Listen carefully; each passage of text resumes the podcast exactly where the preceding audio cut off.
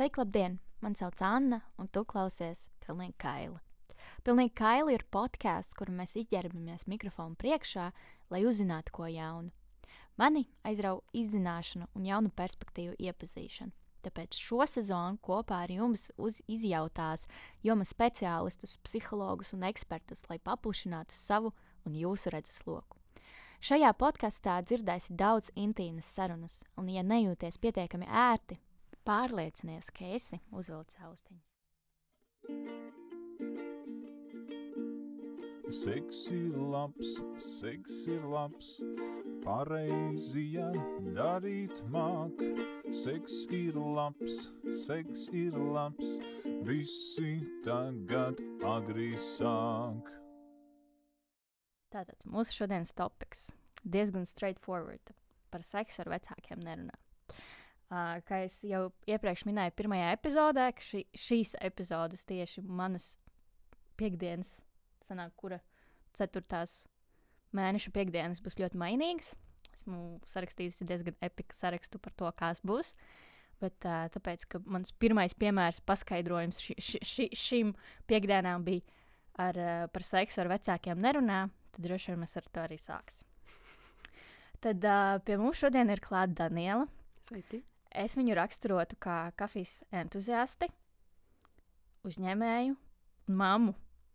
Šis ir tie tādi trīs, trīs gana parasti, gana neparasti, teiksim, kaut kādi hashtagi, ko var tev pielietot.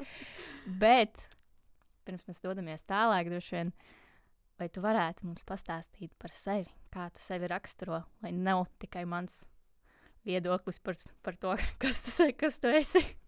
Kā es sevi raksturotu? Um, es teiktu, ka esmu diezgan vienkāršs cilvēks. Man neko daudz no dzīves nevajag, bet uh, tas, ko es vienmēr esmu gribējis, ir kaut kas savs, kaut kāda mana lieta. Un tad uh, gadiem ejot, tas, ko es atradu savā lietā, tā ir kafija. Un tad tagad, uh, jā, esmu ļoti dziļi iekšā kafijā, izpētījusi visu par kafiju. Līdz ar to varētu teikt arī, jaunais uzņēmējs. Un uh, studēju, mācos, strādāju, un man ir arī ģimene, bērns, vīrs.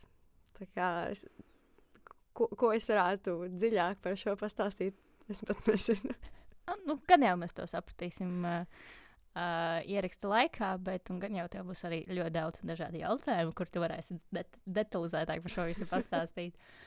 bet tā kā jau tu droši noteikti zini, ka mūsu podkāsts ir par seksuālo izglītību, uzdosim visplašāko jautājumu, kas vien ir iespējams. Kas tavā izpratnē ir seksuālā izglītība? Kas ir seksuālā izglītība? Uh, zināšanas, informācija par to, kā strādā cilvēka ķermenis, kā, kā cilvēks strādā bioloģiski, ko tas nozīmē, ko nozīmē tas, kā tu ar viņu rīkojies. Ne tikai, kas ir ne tikai seks, bet uh, viss tajā skaitā mēnešu reizes un, un, un cikli un, un visparastākās lietas par to, kā funkcionē ķermenis un kā viņš to reaģē. Ok, ok, ok. Tāds ļoti zinātnisks, es teiktu, paskaidrojums. Bet, kā mēs zinām, nav nepareizās atbildes. Jo, ja tu zini, kas tas vispār nozīmē, tas jau vispār esi episks cilvēks. Un, uh, jā, tad droši vien dosimies tālāk, un tad pamazām mēģināsim dziļāk un dziļāk aiziet šajā visā pasaulītē, kas saucās seksuālā izglītība. Un tad uh, man te nākamais jautājums uzreiz ir: Tu esi gatavs? Jā. Cik bieži pusauģu gados esi saskārusies ar šo terminu? Seksuāla izglītība. Jā, Um, Pusauģi gados, nu, principā reizes gadā pie mums nāca ciemiņi uz skolu. Un, uh, un, uh, un tas vienmēr bija ļoti interesanti, jo sākumā visu daļu, kas attiecas uz uh, nu, puišiem, ir šitā, un meitenēm ir šitā, un tad ir, un tad ir seks, un tad mēs izmantojam kontracepciju. Tad, kad, tad, kad mēs sākam stāstīt par to, kā strādā sievietes ķermenis mēnešu reizes grūtniecība, tad vīrieši tiek Tavuši puiši tiek uh, izdzīti ārā, viņi, viņiem ir brīvais laiks, un viņiem tas nav jāzina, kas man liekas ļoti jocīgi vienmēr. Un tad arī, nu, manā mamma vienmēr runāja un stāstīja visādas lietas, varbūt pārāk daudz. Uh, un, uh, un, protams, kā, kā jau zināt, kādam cilvēkam, kuram patīk lasīt grāmatas, tu nonāc arī pie kaut kādām grāmatām, kas uh, nedaudz pastāsta arī par to, kā darbojas cilvēka ķermenis. Romantisks uh, grāmatas arī noteikti ir uh, daļa no seksuālās izglītības. kaut kādi. Jā, nu varbūt ne tās uh, trakās, pikantās grāmatas, ko mm. -hmm. varbūt meitenes lasa, bet arī vienkārši tādas uh, kaut vai romantiskas grāmatas. Ok. Un uh, no visām šīm nosauktiem piemēriem, kas tavuprāt bija tāds visneveiklākais, tas, kas, piemēram, pie tevis atnāk nepazīstamie cilvēki skolā, vai to pēkšņi, ka ar tevi mamma saka runāt par to, ka tev tā kā, eju jau, tev drīz būs mēnešu reizes. Manā gadījumā neveiklākais drīzāk bija mamma, bet ne jau par mēnešu reizēm, bet tīri par uh, kādu seksuālo pieredzi runājot. Man liekas, ka lielākoties uh, Latvijā varbūt cilvēkiem ir tie vecāki, kas par to nerunā. un Tad, uh, Manā mamma bija tā, kas par to runāja pārāk daudz un pārāk detaļās, un tas varbūt nebija gluži tas, ko es gribēju dzirdēt. Bet uh, pārējais man likās diezgan tā mierīgi un, un sabalansēti. Man liekas, ļoti ok, ka cilvēks atnāk un pastāsta, ok, es šīs lietas varbūt zinu, bet uh, gan jau kādam noderēs, kādam šis būtu jādzird no kāda. Ok, ok, ok. Un cik tev apmēram bija gadi, kad uh, ar tevi tā kā vecāki ir, vai kad tev bija tas bitīšu? Mm, nezinu, kādi 12 varbūt. Tad, Mm. tad tas droši vien sākās. Vai, Mm. nē, vai arī ātrāk, varbūt 11. Mm -hmm, mm -hmm, mm -hmm. Kaut kā tā. Okay. Vai tas ne, tā kā, vai tā saruna tevi kaut kā atbiedēja, vai kaut kāds izveidojas kaut kādi aizspriedumi, vai kaut kādas ekspe ekspektācijas par to, kā vajadzētu būt un kā nevajadzētu būt? Mm, es neteiktu, gluži ekspektācijas, bet vienkārši redzi vienu rakursu no tā, kā vienam cilvēkam ir viņa pieredze. Un, un tas pats arī katru reizi, kad, kad kāds nāk kaut ko stāstīt tajā pašā skolā, tu redzi vienu cilvēku un vienu viņa viedokli. Un, uh, jā, to laikam, ka tie visi ir tikai viedokļi, laikam jau ļoti agrā vecumā iemācījos nodalīt. Jo gan grāmatās, gan, gan pie cilvēkiem, gan, gan vecāki katrs saka savu viedokli, un tu saproti, ka tie visi ir tikai viedokļi un ka katram tā pieredze būs savādāka. Tas arī ir vēlāk internetā, jau vecākos gados, kad tu redzi visus šādus pieredzes, vai ne, kur cilvēki dalās ar to, kā viņiem tur gāja. Kaut vai viņi pirmajās reizēs tur redz, ka tās visas versijas ir tik ļoti atšķirīgas, ka tu nepieņem pieņēmumus. Mm, Vienkārši mm -hmm. skaties, kā būs dzīve. Tā kā tev galvā ir visiespējamākie scenāriji, mm -hmm. un Mhm. tu mēģini tu tā zini, kā, nu, tu kurš tad viens no būs? scenārijiem. Nu, kurš Tieši būs? Ok, ok, ok. ok. Un, uh, vai, piemēram, skatoties tagad uz to pieredzi, vai tu gribētu, lai mamma šādi ar tevi rekur stāstītu, vai tomēr tu gribētu, lai tas paliek pie viņas, vai tas tiek pasniegts kaut kā savādāk? Mm, es neiebilstu. Es, es uzskatu, ka šis noteikti ir labāk nekā, ja mēs par to nerunātu vispār. Uh, man liekas, ka es vairāk zaudētu, nezinot, un tad uh, izdarot stulbus pieņēmumus, jo es nezinu, kā, kā, kā strādāja kāds no variantiem. Bet, ja tev kāds pasaka pieredzi, nu, nekas slikts no tā, ka kāds tev kaut ko jaunu pastāst dzīvē, nekad nav noticis. Līdz ar to varbūt, varbūt labāk ir šādi. Ok, ok. Nice, nice, nice. Um, tad uh, droši vien par mammu ir skaidrs, bet es nezinu, vai tev to ar tēti esi par šo runājis. Ar tēti, nē, nu, viņš vienmēr ir bijis tā ļoti daļēji. Līdz ar to par viņu mēs nekad neesam runājuši. Ne par seksu, ne attiecībām. Mm. -hmm. Pilnīgi neko. Tā ir uh, lieta, ko tu vienkārši kādreiz noliec faktu priekšā. Hei, skaties, kur man ir attiecības. Bet, bet tas nekad nav sarunu, sarunu dziļākā Jā. līmenī bijusi. Ok, ok, saprotams. Mm. Skaidrs, nu, tad tev laikam ir tāda laba pieredze.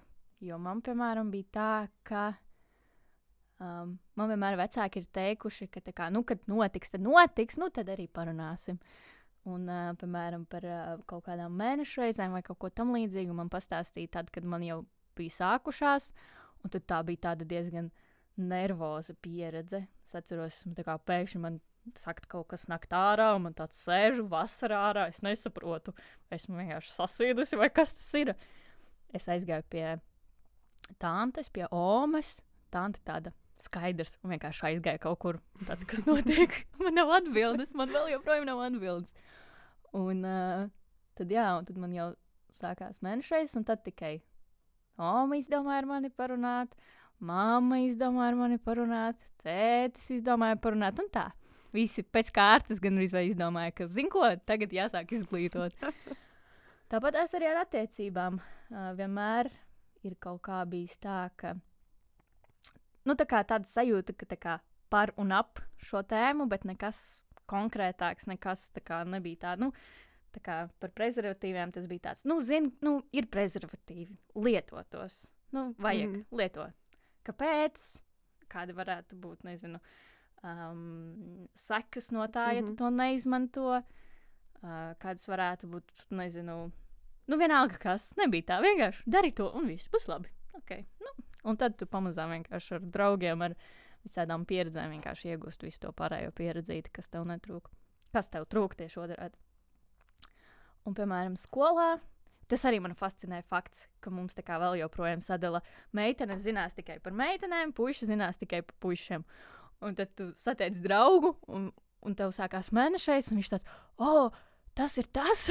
un tad viņam tāds sajūta, ka tas ir kaut kas vienkārši briesmonis no tevis nāk. Mm -hmm. No turienes rodas tie cilvēki, kas domā, ka mēneša reizes ir, ir visu mēnesi, vai ka mēneša reizes ir tikai vienreiz gadā.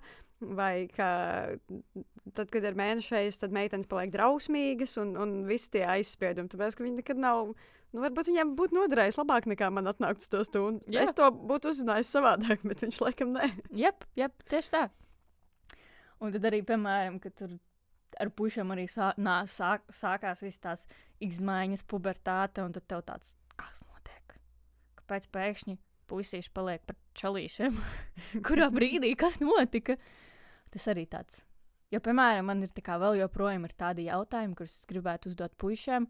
Un it kā Es esmu atbildējis uz daudziem, bet daži man vēl joprojām tāds, kā, kā, kā tas notiek. Kā, kā, tu, kā tu funkcionē? Pastāsti man labāk. Bet tāpēc vajag uzdot jautājumus. Jā, vajag baidīties. Cilvēkiem aktuāli patīk par to runāt. Kas ir ļoti interesanti. Nē, nu, protams, tu to nejautās cilvēkam uz ielas, bet saviem draugiem. Droši pajautā viņiem stulbs jautājums. Viņiem varbūt būs nedaudz neveikli par šo runāt sākumā.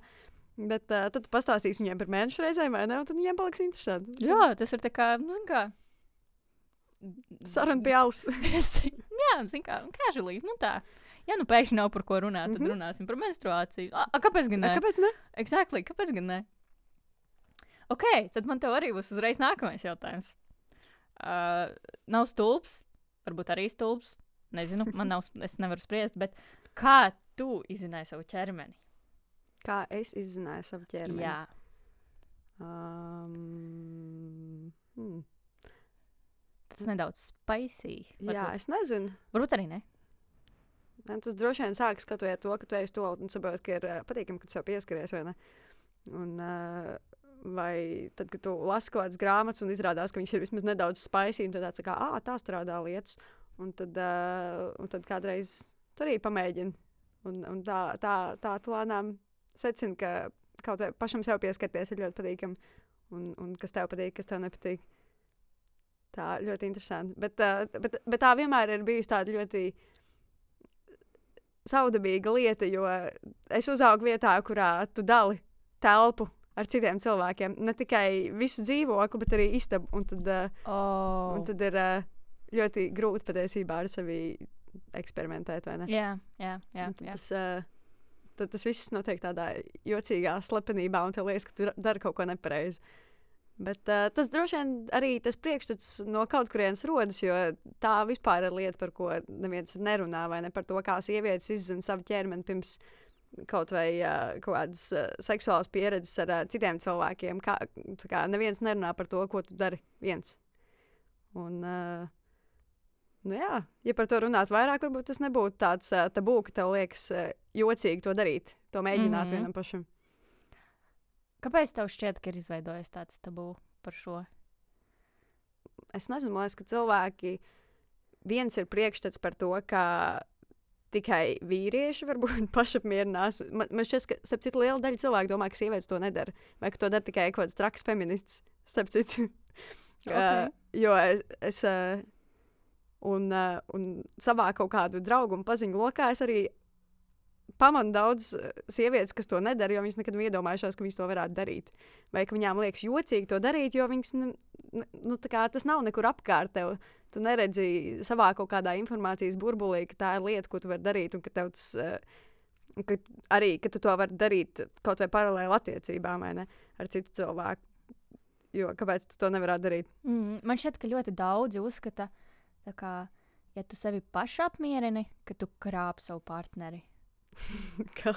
Es sevi? nezinu, es tā kā esmu arī kaut kā esmu vienreiz nonākusi pie tāda secinājuma, nu, tā kā, kāpēc cilvēki to nedara.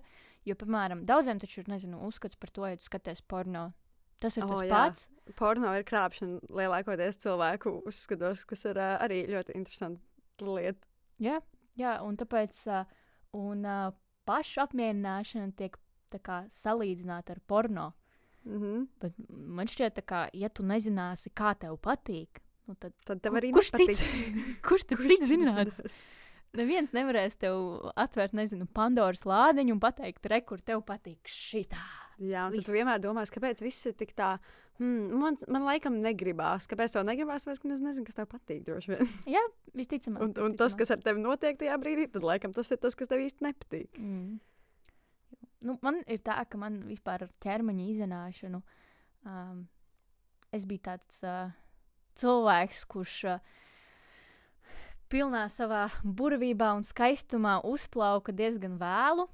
Jo, jo man arī bija sākumā, kā, kad tu esi pusaudzis, tev ir problēmas par pašnovērtējumu, un tad tu mēģini tikt ar to galā. Ka, kas jau, kurš tad runās par seksualitāti, izprast, ka, kas tev patīk, kas tev nepatīk, mm. -hmm. kā vispār izskatās tavs ķermenis. Un man liel, lai, laikam tāda lielākā atziņa vai lielāks tāds piedzīvojums, es teiktu, ka bija tad, kad es iegādājos menstruālo piltuvi. Hmm. Jo tad man bija tāds pirmo reizi, es kaut ko tā kā darīju ar sevi, kas tā kā nevis iekšpusē, bet ārpusē. Tas ir droši vien ļoti tāds pikantā detaļa. Un tad es, kā, es iegādājos, man bija nolūki tieši kā ilgspējība, tāpēc mm. -hmm. arī iegādājos. Un arī es diezgan aktīvi sportoju, un tāpēc es domāju, nu, perfekts mačs.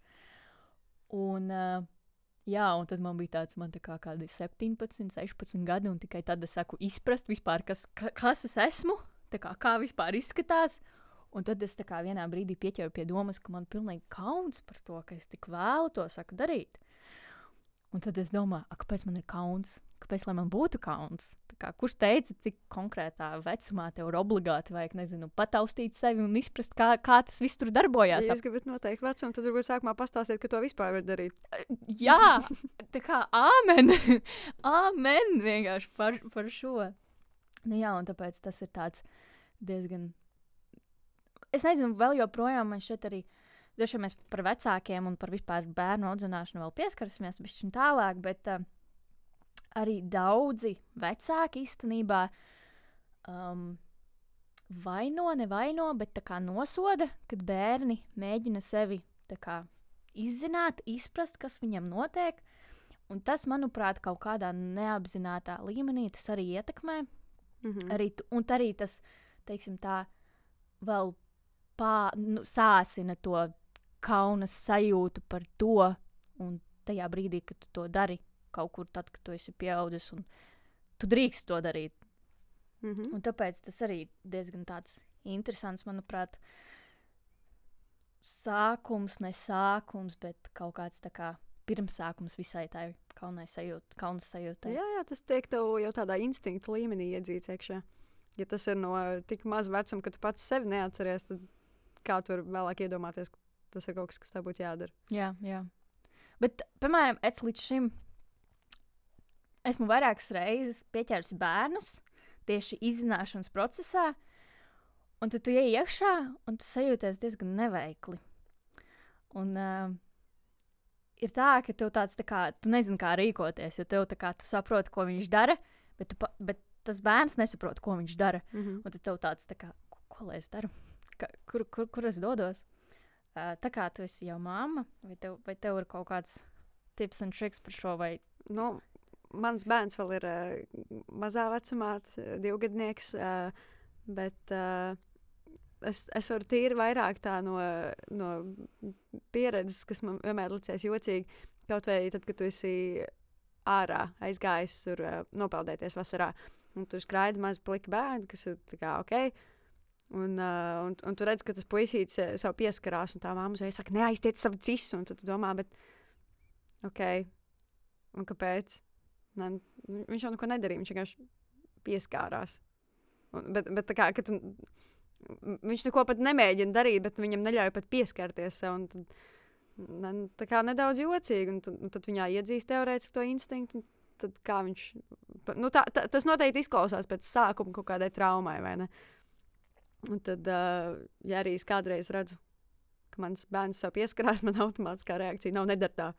Nu, labi, pieskāries, pataustīja. Forši. Jā, man šķiet, ja tu neliec, ne, neko nedarīja. Nu, Viņš jā. ja tu neliec to lielo uzsvaru uz to, ka tas ir kaut kas ārpus normāla, tad man šķiet, tas arī kļūst un Mhm. absolūti normāls. ka Kā, Nu, tas tā kā, nezinu, elementāras lietas, kaut vai kā bērns iemācās, ka viņam ir jāiet uz podu, kad viņš redz, ka viņa vecāki atrodas uz poda. Kā viņš uzzināja, kas viņam jādara ar podu, viņš pats tur nav redzējis. mm, ū, tas ir ļoti interesanti. Nē, nu jā, nu, makes sense, jo kā, ja tu gribi, lai to bērns kaut kā Viņš kaut kur tas ir jāredz. Jā, jā, jā. Ok, šis ir tāds diezgan tād ļoti vienkāršs veids, kā paskaidrot, ka tev vajag nevis mācīt, bet tev, būt, tev ir jābūt par piemēru laikam. Jā. vairāk. Jā, tev, tev nevajag obligāti visu dzīvē parādīt priekšā, bet nu, tu parādi piemēru, ko neuzspied. Jā, Gan jau, ka viņš izdomās, ka viņam arī tā vajag. ok. okay. Nu, ja mēs sākām jau droši vien par uh, vecākiem un visu kaut ko tādu, nu tagad ir laiks jautājumam par to. Vai tu varētu lūdzu pastāstīt, kādas ir tavas mammas gaitas šobrīd? Kādas tev ir sajūtas, kā, kādas tev bija sajūtas sākumā un vispār? Mm, Šis ir ļoti plašs. Tāpēc Šis ir ļoti vieta interpretācija, ļoti saka. plašs jautājums. Uh, nu, tas viss ir. Uh, Šobrīd uh, es noteikti teiktu, ka ir mana mīļākā fāze visā šajā procesā, jo tas cilvēks ir uh, jau tāds liels, tur viņu var komunicēt, viņam uzdod jautājumu, viņš to var atbildēt vismaz ar jā vai nē. Nu, jau gandrīz ar, ar, ar pilnu teikumu, un tad, tad ir viegli komunicēt un saprast. Bet tas, kas tur notiek sākumā, kamēr tu vēl esi stāvoklī, kamēr, kamēr uh, ir kaut kāds pirmais pusotrs gads, kad tu vienkārši esi staigājošs hormons. Nu, iedomājies, kā, kā tu jūties mēnešu reižu laikā, un tad sareizini ar desmit. Tas uh. ir tas, kā tu jūties ikdienā, un tad tev ir tā kā augšā, lejā, augšā, lejā. Un tad vienā brīdī jūties uh, kā laimīgākais cilvēks pasaules par to, kā es esmu māma, un viss ir tik skaisti. Un tad uh, pēc pāris sekundēm tev liekas, ka vienam tu neesi vajadzīgs, ka tu esi izolēts no pasaules, kas arī ir topiks, man liekas, uh, nepārāk izrunāts par to, ka jaunās māmiņas jūtas ļoti izolētas, jo pasaule nav uzbūvēta jaunajām māmiņām, teiksim tā. Bet, uh, jā, un tad uh, viss ir tā augšā, lejā, augšā, lejā, kamēr hormoni nostabilizējas un milzīgās izmaiņas uh, ķermenī, kas uh, ņemot vērā, ka es ļoti agri salīdzinoši mūsdienu standartiem paliku stāvoklī, kas ir. Uh, Cik tev bija gadi? Man bija 21, laikam. Jā, 21. Un, uh, un, un, un tas ir. Uh, jā, nu, tu, tu vienmēr esi pieredzējis pie tā, ka tavs ķermenis izskatās vienā noteiktā veidā. Viņš nekad nav dzīvē baigi mainījies. Un tagad viņš pēkšņi ir pilnīgi savādāks. Un tev ir tāds, mm Mhm. -hmm. ka viņš nekad neatgriezīsies tādā izskatā. Viņš nefunkcionēs nekad tā, kā, tā kā tev ir licies uh, kaut vai ar to pašu, ka pēc dzemdībām cilvēki nerunā par lietām, vai ne? Un tad uh, tev ir tāds, oh, wow, izrādās, ka man tagad ir uh, bezmazliet urīna nesaturēšana vairāk mēnešu garumā, un, un, katru, un tad Oh. saproti, ka pasaule tiešām nav piemērota, ja tev ir mazs zīdainīts ar ratiņiem, un tev vajag to tagad, un tu neko nevari izdarīt. Mm. Un, uh, jā, ļoti daudz uh, pārmaiņu savā ķermenī. Un paralēli tam visam ir uh, milzīgas pārmaiņas uh, tev apkārt, kas ir uh, tev pēkšņi ir vēl viens cilvēks, par kuru tev ir pilna atbildība. Un tu esi, tu un tavs partneris esat vienīgie, kas uh, spēj nodrošināt, ka viņš uh, tiek cauri šim periodam un vispār izaug lielāks. Mm Mm. -hmm. Tā kā tev viņš ir ā, jāpabaro, jāsamīļo, jāspēj nodrošināt viņam pilnīgi visas komforts dzīvē. Un, tas, un, un tad vienkārši tā no sava veida nulles atbildības dzīvē pēkšņi kļ- kļūst par uh, visatbildīgāko cilvēku dzīvē, jo tev, tev ir jāuzņemas par vēl vienu cilvēku pilnu atbildību. Tā ir uh, ļoti tāda saudabīga lieta. Bet uh, tagad, jā, tagad ir iestājies tas periods, kur uh, es jūtos tā brīvi. Man liekas, ka es nevaru darīt kaut kādas lietas tikai tāpēc, ka man ir bērns. Nu, kas tā kā mm -hmm. iepriekš tev ir kaut kādi ierobežojoši apstākļi, vai ne? Es, es neiešu uz, uh, uh, uz bāru ar bērnu. Ne, nu, Jā. ok, varbūt ir kāds bārs, uz kur var iet, kas nav tā tāda vidi, bet nu, tā kā, uz tādu alternatīvu bērnu es neiešu uz īdēnu. Tur, tur viss ir cigarešu dūmos, un tāda noteikti nav vieta vai nekur iet ar bērnu. Bet, uh, vai, vai vienkārši, nu, ka tev ir tie, tie laika logi, cik tev ir brīvi, un, uh, un tu vari paspēt, tev ir piemēram trīs stundas, un cik tu vari izdarīt tajās trīs stundās, un tu nevēties trīs stundās aizbraukt uz Vēnspili. No Rīgas. Nu, vienā virzienā noteikti varētu. Jā, bet, tev, bet uh, pēc trīs stundām tas bērns ir jādabū. Nu. un, uh, nu jā, un tagad, uh, tagad viņi, ir, uh, viņi ir tādā vecumā, ka ar viņu visu var darīt. Tu viņu var ņemt līdzi visur, un, un vari darīt ar viņu visu. Un, Un, uh, un tu vari dabūt sev arī tik daudz brīva laika, cik tev vajag. Tāpēc es uzskatu, ka bērns vajag taisīt tikai tad, uh, ja tev ir uh, funkcionāls uh, vai nu attiecības, vai arī tu zini, ka tev ir atbalsta sistēma. Atbalsta sistēma mm. -hmm. ir uh, vissvarīgākā lieta, jo uh, tu viens pats netiks galā. Nu, tas nav iespējams. Tu nevari būt 24 stundas uh, ne, dienā visu nedēļu vecāks. Tev vajag kaut kādus brīžus, lai atpūstos, lai izdarītu savas lietas dzīvē. Un, uh, un ja tev nav tāda atbalsta sistēma, tad visticamāk vienā brīdī lēnām sāks jukt prātā. Tā kā tas, tas par ko es ļoti priecājos. Tā man netrūkst. Mm, ļoti skaisti. Un, um, kā tu teiktu, kas ir tas, um, tā, tas vienādojums, kā dabūt tikpat foršu balansu tajā sa sa savienot, savienot ģimeni, savu kaut kādu darbību un uh, vēl kaut kāds dzīvi ārpusē? Vai tas ir tikai tas atbalsts, vai vēl kaut kas cits tajā vienādojumā iet iekšā? Mm, nu, galvenais ir atbalsts, un otrs ir uh, tā apziņa, kas noteikti nebūs uzreiz, tad, kad bērns ir pavisam maziņš. Tu vienkārši zini, ka tu nevari izdarīt visu, bet uh, ar laiku, tad, kad bērns izaug, vai ne, tu saproti, ka okay, tas bērns ir tik liels, ka ma- mans šķērslis dzīvē nav. Tas, ka veikalam ir divi pakāpieni, un es nevaru viņā ieiet, jo es fiziski viena pati nevaru iecelt ratus. Tas nozīmē, ka man ir obligāti kādam jāprasa palīdzība. Mm -hmm. Un, uh, un tad vien, viens pa vienam tam bērnam augot, uh, visi tie šķērslīši, tāpat kā pakāpieni, samazinās. Un, tu, un tad, kad tu savā galvā saproti, ka tu visu vari izdarīt pats, tad uh, uz priekšu ņem dari visu, ko tu gribi darīt. Ok, skaisti. Ļoti skaisti. Man, pirmkārt, man ļoti liels prieks, ka tā kā, uh, klausītājiem uh, Daniela ir ieradusies pie mums uz Vēnspili. Viņai, viņai no Rīgas, un viņai mājās ir forša meitiņa un vīrs. Noteikti. Jā. Man šķiet, jā. Okay, jā. Tad tas, tas, tas ne- nenošauj greizi.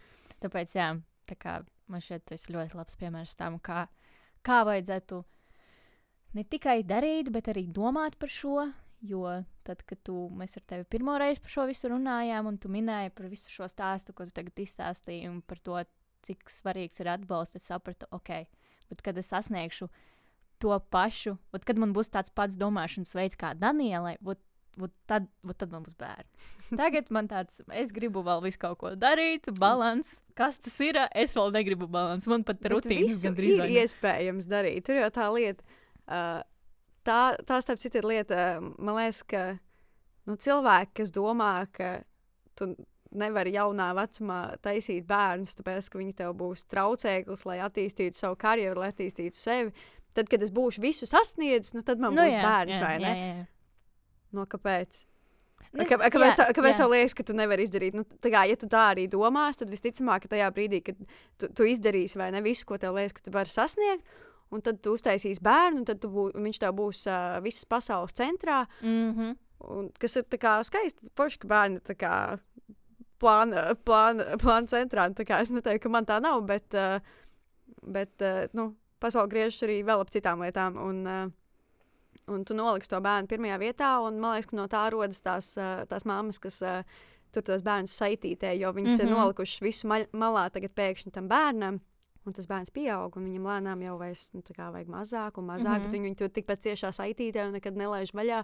Un tad, kad tas bērns izaug, tad viņa sēž un skatās un domā, ah, ko man tagad darīt ar savu dzīvi. Mm, mm Mm. -hmm. Jo esmu visus šos gadus, vai ne, tagad, kamēr viņš ir izaudzis līdz pusaudzim, pakārtojis savu dzīvi. mm -hmm. Un tad viņš, tas cilvēks vairs nezina, ko darīt ar savu dzīvi. Bet, ja tu dari tās lietas paralēli, tu attīsti sevi, tu audzini savu bērnu, attīsti viņu par cilvēku. Nu, tu viņu neattīsti, viņam mēģini iedot uh, visus resursus, kā, kā viņam pašam izaudzināt sevi. Mm -hmm.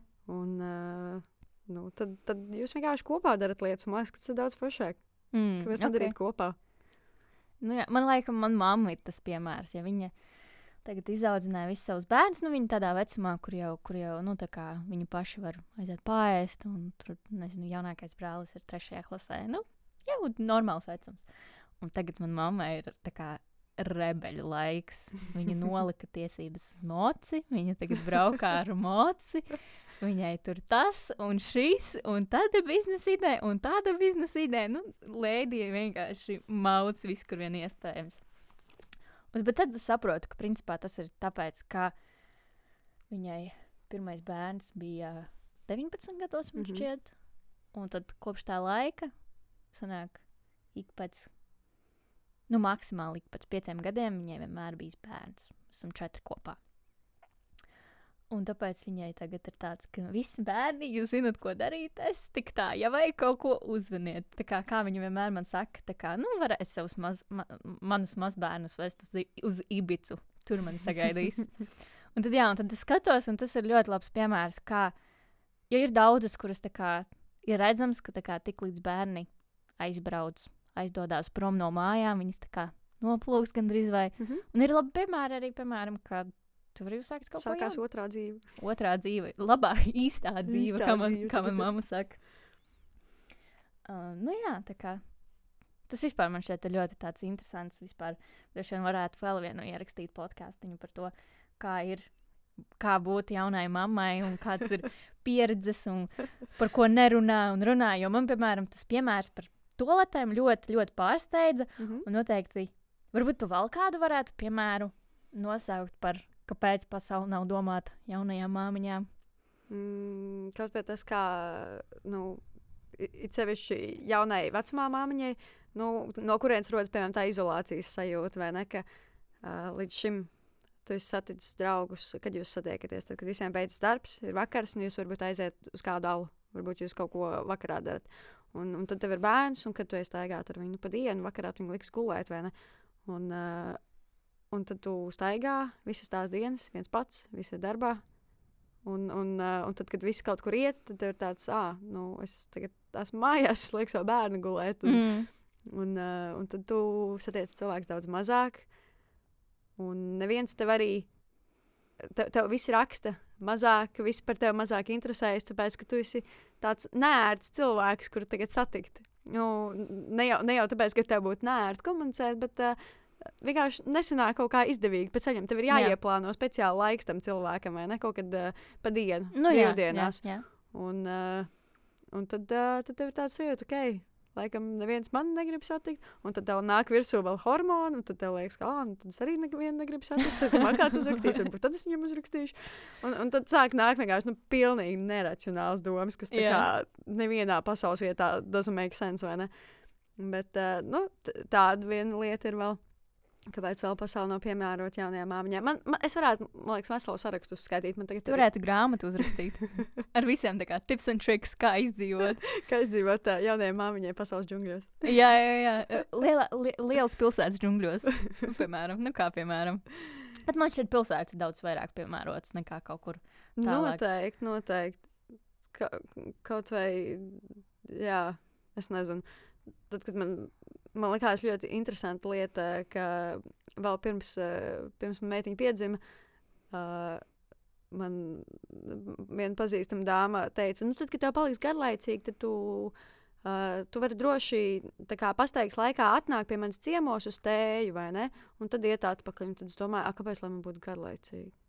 Kāpēc man būtu garlaicīgi manā dzīvē, tad, kad es eju pastaigāties? Es nezinu, kā man liekas, ka tas arī ir tāds, ok, es nezinu. Varbūt cilvēkiem laukos varētu būt garlaicīgi, bet, bet arī kāpēc? Nu, nu kā, nu, tu, tev ir pastaigā, vai ne? Tev tagad ir tava stunda, kurā tu iesi pastaigāties. Tas bērns gulēs ratos un uh, ieliec austiņas, klausies podkāstu. Uh, noklausies savu lekcijas audio ierakstu, vai ne? Kas tev lietas trūks, ko darīt dzīvē? Nu, jā, jā. Nu, jā, man šķiet vienkārši tāpēc, ka mūsdienās ir daudz vairāk visādas izklaides iespēju. tad- Mm -hmm. Tā kā tā. Jo, jo es, piemēram, skatos uz jaunām māmiņām, un es redzu, ka katra otra iet un kaut ko klausās, kāda tur kaut ko vēl papildu sporto, kaut kā mm. -hmm. aktīvāk soļo. Un es skatos, man tāds, wow, manai omītei droši vien bija ļoti garlaicīgi. Mhm. Vienkārši stundu iet ar ratiņiem, ja vispār, gā, ja vispār gāja ar ratiņiem. Droši vien Nu, strādāja. Nu, tu izai ārā, paņem, paņem savu grāmatu, apsēdies soli, soliņu pāri tiesa, Kas tev? Nav jau tā, ka nevar atrast, ko darīt dzīvē cilvēks. Jā, galvenais gribēt kaut ko atrast dzīvē. Mhm. Oh. Nu, es jāgrib. Jā, jā, tieši tā. Ok, bet uh, tu šobrīd esi mamma. Jā. Mēs pat ar tevi sākumā esam runājuši par to, vispār par tavu pieredzi ar seksuālo izglītību, kā tev gāja un tādā garā. Un tāpēc visticamāk, tev arī kaut kā mainījās tavs, mm, tavs, tavs vispār skatiens, ne skatiens, bet uh, viedoklis par to, kā vajadzētu izglītot seksuāli bērnus. Un, uh, Tāpēc jautājums, kā tu šobrīd uz to skaties? Ko tu darīsi, ko tu nedarīsi? Kā tu pieies pie tā visa? Es nevaru teikt, ka viņš ir mainījies līdz ar to, ka man ir bērns. Mm -hmm. Bet, uh, nu, jā, varbūt vairāk no, no, no tādas pieredzes par to, kas man likās ok, bērnībā, un kas nelikās. Nu, varbūt es neieslīgšu beigās detaļās, to, to atstāsim citiem Jā, informācijas jā. avotiem. Bet, uh, jā, es laikam negribu būt vecāks, kas, kas bērnam izstāsta visas savas seksuālās dzīves detaļas, jo es nezinu, vai tas ir tas, kā viņš grib redzēt savus vecākus. Tas, man liekas, ir par daudz. Mm -hmm. Bet, uh, bet tā noteikti, jā, kāpēc, kāpēc lai es nepastāstītu bērnam, pirms viņam ir pienācis uh, nezinu, mēnešu reizes laiks par to, kas tas ir, kā tas strādā, kādas ir tavas opcijas, ko tas nozīmē, kāpēc puisīšiem tā nav. Mm -hmm. Kas ir puisīšiem toties?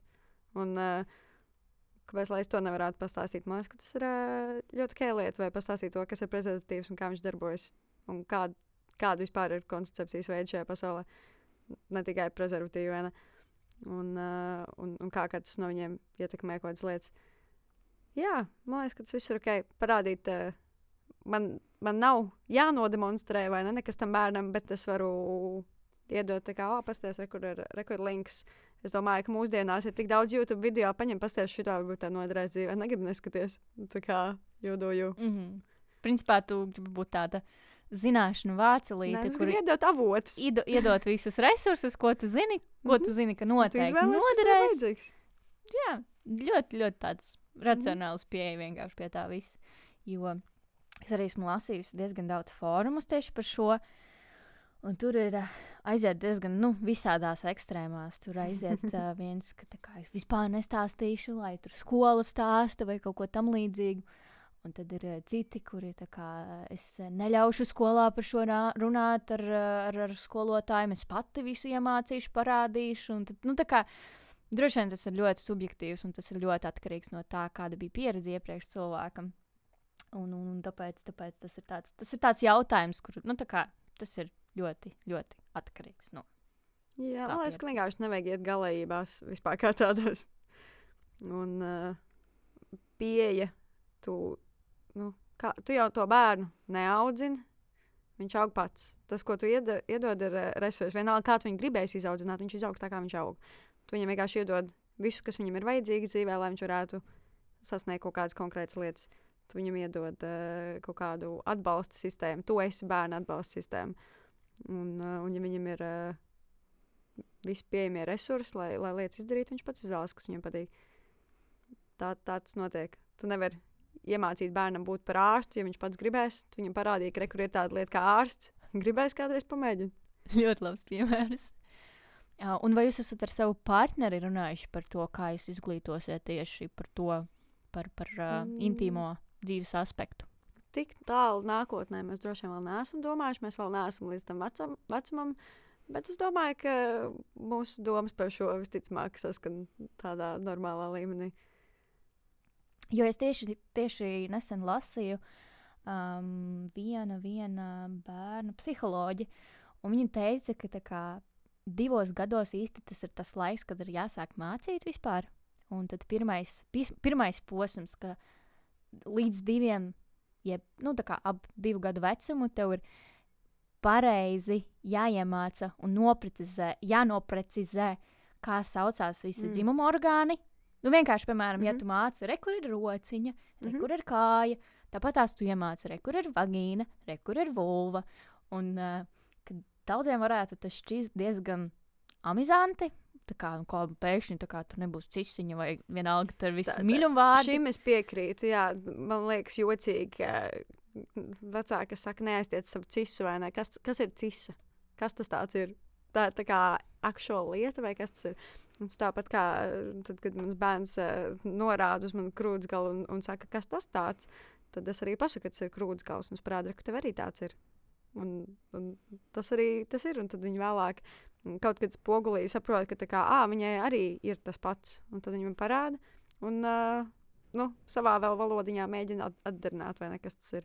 Mm -hmm. Tā, tādā līmenī, jā, nu, tu iemācies nosaukt detaļas, bet tas ir tāpat kā tad, kad uh, no, no, no tādiem drausmīgiem piemēriem, vai ne, par to, ka tad, kad mazus bērnus kāds ir aizticis, vai ne, Mm -hmm. un, un, un, un saka, ka aiztika viņa privātās daļas. Un tad tā kā tas vecāks nav tam bērnam nekad dzīvē noraksturojis, kura daļa ir privāta. Mm Tad -hmm. viņš domā, ka kāds pieskārās viņa kājai, un tā bija privātā daļa vai viņa jā, jo tas jā. nekad nav bijis precizēts. Un tad, nu jā, no turienes rodas tāda pārpratuma. Tas ir īstenībā tas ir uh, nākamais, kas ir jāiemācā bērniem no diviem līdz četriem gadiem. Man šķiet, ka kā tev ir jānodefinē, kas ir piemēram intīmās zonas, mm -hmm. kad mēs pieskaramies, ka, piemēram, arī kaut kādas visas kā. Pamata, pamata zināšanas un izpratne par to, ka tu drīksti pateikt, ja tev, nu, tā kā tu drīksti, tu nedrīksti teikt, bet tev ir jāpasaka, ja, piemēram, kāds tev aiztika, aiztika kaut kādā vietā, kur tev nebija patīkami. Mm -hmm. Tas ir īstenībā tas ir nākamais, kas tev laikam sagaida. tas būs nākamais posms. Jā. Jā, un tad, tad, jā, tā kā, tad pēc tam tālāk ir um, no 4 līdz 6 laikam bija, liekas, tas lai, uh, periods, ka tad jau tev uh, jāsāk skaidrot, ka, piemēram, rekur meitenēm ir šādi, pušiem ir šādi. Jo Mhm. tieši tajā vecumā arī ka parādās tie jautājumi, kā radās bērni vai kaut ko tamlīdzīgu. Un tur arī nevajag runāt par stārķiem un to, ka tur atlido mm -hmm. un Mhm. bitītes un tā un šitā, bet pasaki. Piemēram, tur bija tajā, tajā pētījumā bija ļoti labs piemērs, ka, piemēram, ir sieviete un vīrietis. Viņi pieskarās viens otram, viņu ķermenis satiekās, tad uh, izdalās tā kā tā arī jāpasaka, sperma un, un, un uh, olšūna. Tas satiekās un veidojās bērniņš.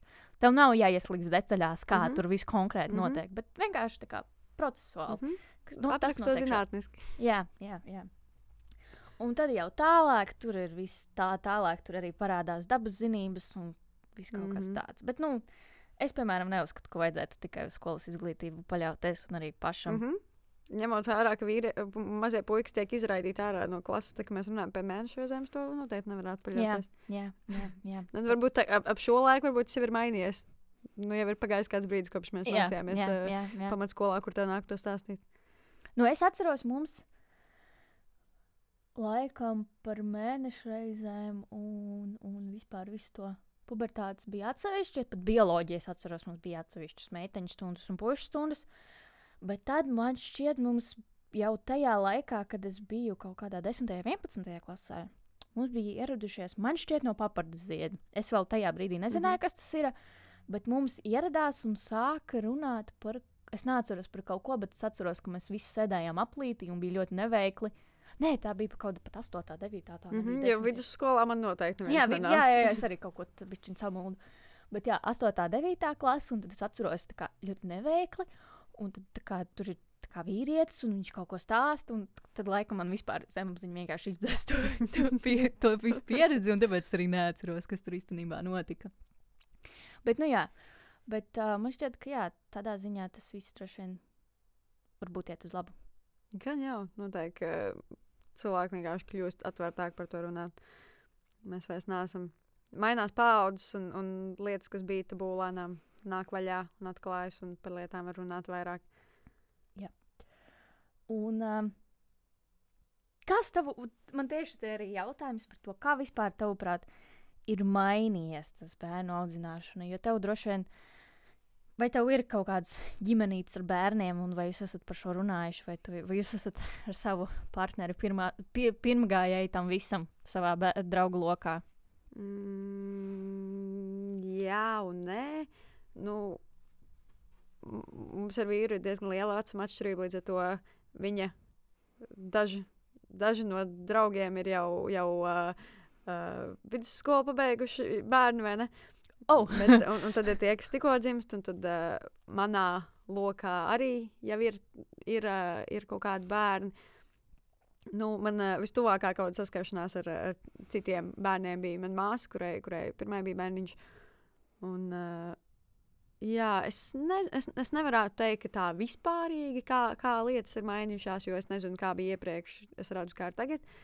Bet uh, nu, es domāju, ka tas, kas, tas ko cilvēki dara, nu, tur ir tādi divi tipiskākie scenāriji. Vai nu tu esi izaudzis tajā vidē, tādā veidā, kā tu esi izaudzināts, un tas ir arī tas, kā tu esi iemācījies, kā tie bērni ir audzināti, un tālāk tu tā arī dari.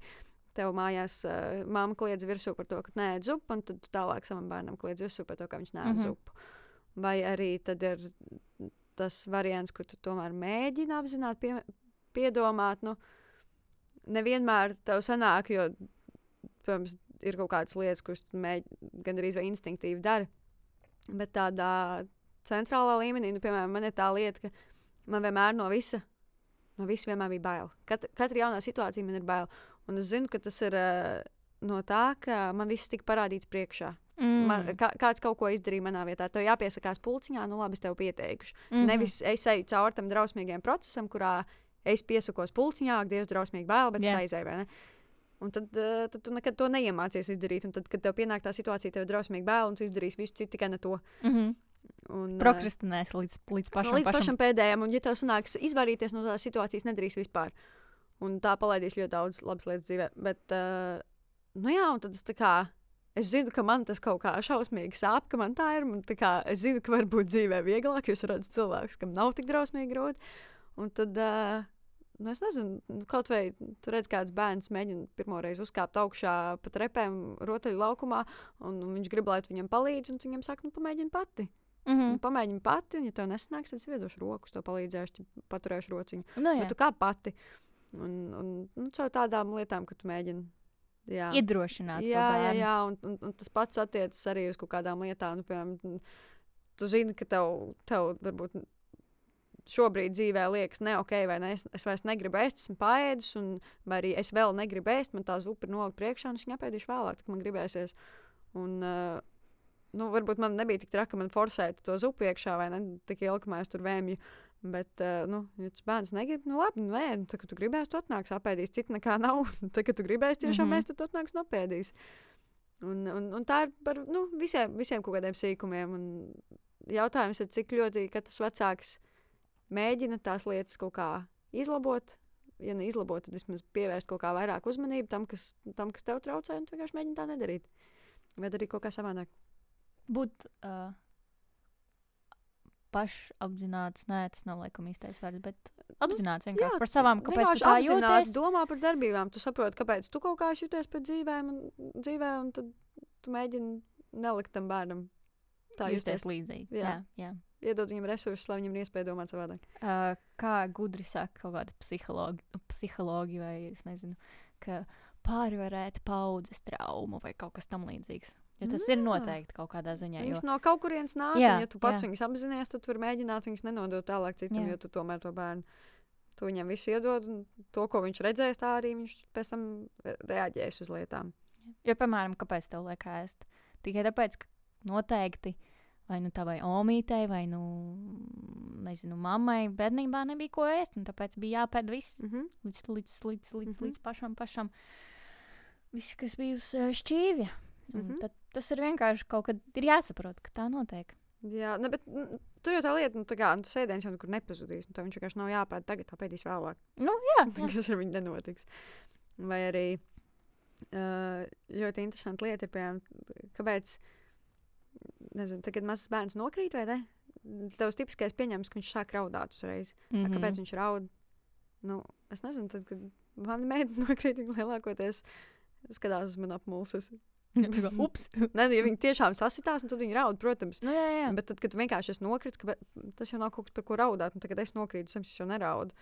Un, un, Tikai tad, kad ļoti sāp. tas ir tad. tāpēc, ka tu, nu, tu to iemācies kā reakciju no sava mm. -hmm. vecāka. Tas, tas, tas lielākoties sākas ar tām māmām, kur tas bērns nokrīt, tad oh, - ak, Dievs, ak, Dievs! Un, un, un tu sāc tā kā, un tu sāc tā kā. Tu pats šausmīgi uz to reaģēji, un tas bērns tā kā nu, Viņš reaģē sabijās tev no pretī, Viņš ir tā kā spogulis, viņš Jā. sabīstās no tevis, vai viņš sabīstās no tās reakcijas. Un tad viņš iemācās, ka viņam katru reizi, kad viņš nokrīt, ir tā kā jābūt tādam. "Ah!" Bet nu, tā kā, tas jau nevienmēr tā nav. Nu, tā, kad tev sāpēs, tad tā reaģēsi. Jā. Un, un, un, jā, tā ir ļoti jānciega lieta, ko cilvēki dara. Um, tad droši vien tādam ai, uh, nobeigumam mēs droši vien jau ļoti daudz šīs tēmas esam izrunājuši, bet esmu sagatavojis sarakstu ar aizspriedumiem, Hmm. uh, ko esmu pati dzirdējusi. Man arī palīdzēja draugi un, un, un citi pilnīgi kaili kolēģi. Un, uh, es ļoti gribētu, lai tu vai nu pasaki, vai tu esi dzirdējusi šo Mm -hmm. uh, dzirdējusi, saskārusies, pārdzīvojusi, piedzīvojusi mm. -hmm. vai kaut ko tamlīdzīgu. Un, ja tev ir kaut kas īpašs, ko tu gribētu nokomentēt, nokom, nokom, no, Nokomentēt. pašu. nokomentēt, jā, paldies, tad uh, tā kā tev ir bezmaksas mikrofons, kā saka, un tad tu varēsi to, to mierīgi izteikt. Uh, tad pirmais ir puišiem par seksu ir jāmācās ar tēviem un meitenēm ar mamām. Mm, nē, nevajag tā darīt. Nē, nu, sa- sa- tā kā, tā, tas ir tāds priekšstats, bet uh, nu kā, nu, katram ir sava perspektīva. Un tas ir tas pats, kas uh, mēs puisīšiem stāstām tikai par to, kā strādājas puisīši, un meitenēm stāstām tikai par mēnešu reizēm. Bet uh, nu, tev jau vajag abus viedokļus. Nu, tas ir tāpat kā tad, kad tev vēlāk ir tās attiecības. Tu nemāki ar to cilvēku komunicēt, tāpēc, ka tu nesaproti, vai ne, kā, kā tas cilvēks strādā. Un, Varbūt ir forši, vai ne, ka tev teica arī pastāst lietas, kā meitene, vai, vai ka tev kā puisītam māma kaut ko pastāst. Tur, tur var, ja tu to pataisīsi jocīgi, tad tas būs dīvaini. Ja, ja tu nemēģināsi no šīs situācijas uztaisīt, oh, ok, es tagad esmu teicis, kurš runā savu meitu par seksuālām attiecībām. Nē, nu, ja tu tā nedarīsi, varbūt nebūs dīvaini. Ja? Tas ir tāpatās, kā mēs tikko runājam par to, ka tu, kā, tu iemācies reakciju no saviem vecākiem. Mm. -hmm. Jā, es tev piekrītu. es nezinu, vai vajag pēc katras piekrīt. Okay. Tad um, uh, bērnam ir jāzina savu dzimumu, dzimumu orgānu nosaukums tikai sākoties bioloģijas skolā. Nē, tas, tas nav nedaudz absurdi. Kad sāks bioloģija, piektajā klasē? Nu, ir dabas zinības līdz kaut kādai 4. man liekas, klasē vai 5. klasē, tad sākās bioloģija. Nu, bet uh, visticamāk, ka piekto klasi jau tev pat būs mēnešais, un tu nezinās, no kurienes viņas nāk. No cisiņas. No cisiņas nāk Nē, mēnešais. no cisiņas tas ir. Nē, nu, puišiem, jā, Cisiņas, kas jā. ir meitene, Um, nevar aiztikt. kaut kas. Pagaidi, bet kā, kā man. Kā man... Redzi, tu pat nezini, kā sauc. Ak, Varbūt tāpēc, ka jā. pārāk vēl pastāstīji. Jā, es pārāk laba apzinos. Tā laikam būs atbildes šai spriežai. jā, jā. Absurdi, absolūti absurdi. Bērnam, tad nākamais. Ja? Mhm. Bērnam nav jāmāc par piekrišanu, jo tas nāk dabīgi. Nē.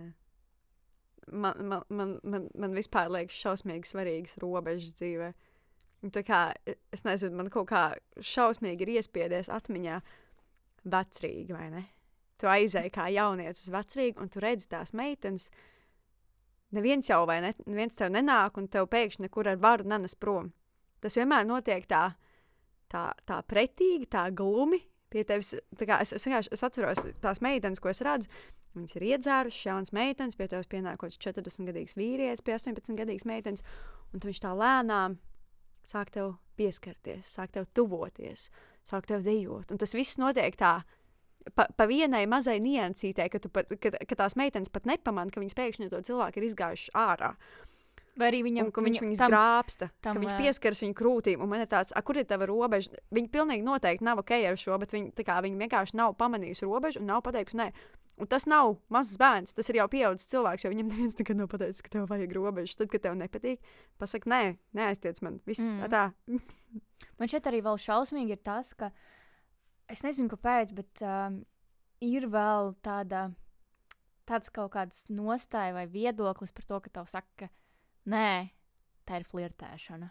Kā nevar būt flirtēšana? Tas ir skaidrs un konkrēts nē. Oh, šitie, šitie, jā. Par šiem cilvēkiem es vienmēr fascinējos, ka tu viņiem pasaki trīs reizes nē, un viņi joprojām tev lien virsū. Es jau tev ar pirmo reizi vajadzēja saprast, ko tu nesaproti. Tas ir vārds nē. Tas ir stop. Pie stop zīmes, tad, kad tu neapstājies, tad tev atņem tiesības. Pārbrauc pāri sarkaniem. Vienkārši uh, one on one, kā ātri iemācīties, ko nozīmē nē. Vienkārši. Nē, ir stop zīme. Tev tulīt atņems attiec... Fui, nevis attiecības, bet tiesības uz attiecībām, jebkādām. Viss, punkts. Tā kā. Jā, bet. Uh, jā, ir īp- vēl ir tāds, ka daudzas pat, tā kā man, piemēram, pašai ir tā gadījies, ka tu tā kā. Tev tā kā šķiet, ka tev ir jāpieņem tas fakts, ka tevi tā kā. Ka tā kā tev ir jāizliekās, ka tu nesaproti, ka tas cilvēks sāk tev pieskarties, un viņš ir tavā Mm. tavā tajā nekomforta zonā, bet tajā, Ka tev ir ā, jātēlo, ka, ka, tas ka, ir ok. ka tu viņu neielaidi savā burbulī, bet viņš ienāk tavā burbulī personīgi. jā, Jā, jā, oh, jā, brīnišķīgi. Jā, Nē, nē, nē. Stop. Šeit, stop, viss, stop. Um, labi, šito mēs sapratām, ka tas ir nē. Tad uh, uh, nākamais ir uh, bērnam nav jāmāca, ka drīkst un nedrīkst izka izskailoti, ne, neizskailoties, bet uh, Atkailināties? atkailināties. Jā, izskailoties. Nē, nu, noteikti vajag pastāstīt situācijas, kurās tas ir ok un kurās tas nav ok. Nu, ok, tas, ka tur divgadīgs bērns staigā pilnīgi pliks tur jūras malā, that's fine, vai ne? Bet, nu, ja tu 14 gadīgs staigās jūras malā, pliks, cilvēkiem radīsies jautājumi, ja tas nebūs nūdes pludmalē. Vai arī, nu jā, nu, tāds kaut kāda elementāra robeža. Nē, protams, ir interesants jautājums, kurā brīdī bērns beidz redzēt, ka vecāki nu, viņam apkārt mēdz būt kaili. Mm -hmm. Tas, tas ir kaut kas, eh, ko robeža, kas, ko, ko vēl nevar saprast līdz galam. Jo, nu, piemēram, šobrīd viņi mācās iet uz podu, pirms viņi redz, vai ne? Bet uh, kurā brīdī tas tā kā jūs beidzat būt par nūdistu ģimeni? vai- Es nezinu, ne, tas nav, nav tā, ka mēs staigājam pliki pa māju visu laiku? Jā, Bet, nu, tā kā kaut kādas situācijas, vai ne? Bet, uh, nu, jā, nu, tam bērnam ir jāiemācās robežas, vai ne? Nu, kā, tad, kad bērns iemācās pats sev novelk krēklu, nu, ok, varbūt tev nevajadzētu staigāt bez krēklu bērnu dārzā? Tas tā kā, nu, jā. tas ir publiskā vietā, varbūt nevajag. jā. Vienkārši, nu, nu tā kā. Kailums ir sadalīt. ok konkrētās situācijās. Jā, jā. sadalīt, re, kur ir publiskās vietas, mm. -hmm. re, kur tur ir pieņems šis, un tā, lai mēs mm -hmm. Ir miers gan tev, gan man, gan visiem apkā Jep. apkārtējiem, tad mēs darām šitā. Ja kāds cits to dara, tas arī nav normāli kaut kādā ziņā. Un tad mājās mēs drīkstam šādi darīt. Mhm. Šķiet diezgan, diezgan tāds saprotams, saprotams uh, risinājums visai šai uh, diezgan kailai tēmai. Bet, labi. Tad um, uh, šo mēs esam ar tevi, man liekas, jau ļoti daudz izrunājuši. un Tas man jau ir skaidrs, kāda ir būs atbilde. Meitenēm un zēniem ir jāmācās par seksuālo izglītību un pubertitā, pubertitāti, pubertāti atsevišķi. Jā, protams, jā, bez šaubām. Pilnīgi noteikti. Ka- Citās ka- skolās, citās. Mm, Atsevišķās skolās, lai viņi mācās, un, un nekad nesatieks, un tikai kāzās tu saliec tos cilvēkus kopā, un viņi iepazīstas. Un redz, ka, ah, ir puikas un ir meitenes. Jā, Jā, bet, uh, ja nu kā šis ir sarkasms, jā tāpēc. gadījumā, kāds nesaprot. jā, vajag, vajag, vajag, vajag saprast, kas notiek gan meitenēm par zēniem, Mhm. un arī otrādi. Visi būs daudz laimīgāki no šī. Man šķiet. Um, tad uh, septītais ir tāds ļoti, ļoti, es teiktu, kon kontroversiāls, tāds ļoti mm, daudz un dažādi var to interpretēt, bet zināšanas par seksu samaitā bērnu. Mm, kāpēc? nu, ok, viņam varbūt nevajag obligāti kā bērnam redzēt kaut kādas grafiskās lietas. Varbūt nu, tas viņam varētu radīt, nezinu, kaut kādas murgus vai, vai kaut ko es nezinu. Bet uh, kāpēc lai zināšanas tev traucētu dzīvot? Ko tev kādreiz ir traucējušas zināšanas? Vai tu jūties sliktāk, tāpēc, ka tu zini informāciju, faktus? Droši vien, ka nē. Tas par sliktu nevienam nenāks, ka tu mācīsies savu ķermeni, seksualitāti, koncepciju, elementāras lietas. Jā. Bet tas droši vien, zin kā, tas ir um, nāk no kaut kādas vienas. Uh, piemēram, ka seks asociējas tikai ar porno, piemēram, vai mm. seks asociējas ar kaut kādām tām neforšajām lietām, kā izvarošana vai kaut kas tamlīdzīgs. Un tāpēc tas uzreiz tev asociējas. Tas sliktākais, kas pirmais mm -hmm. nāk prātā. Bet, uh, zināt par seksu jau ir daudz, var daudz un dažādi.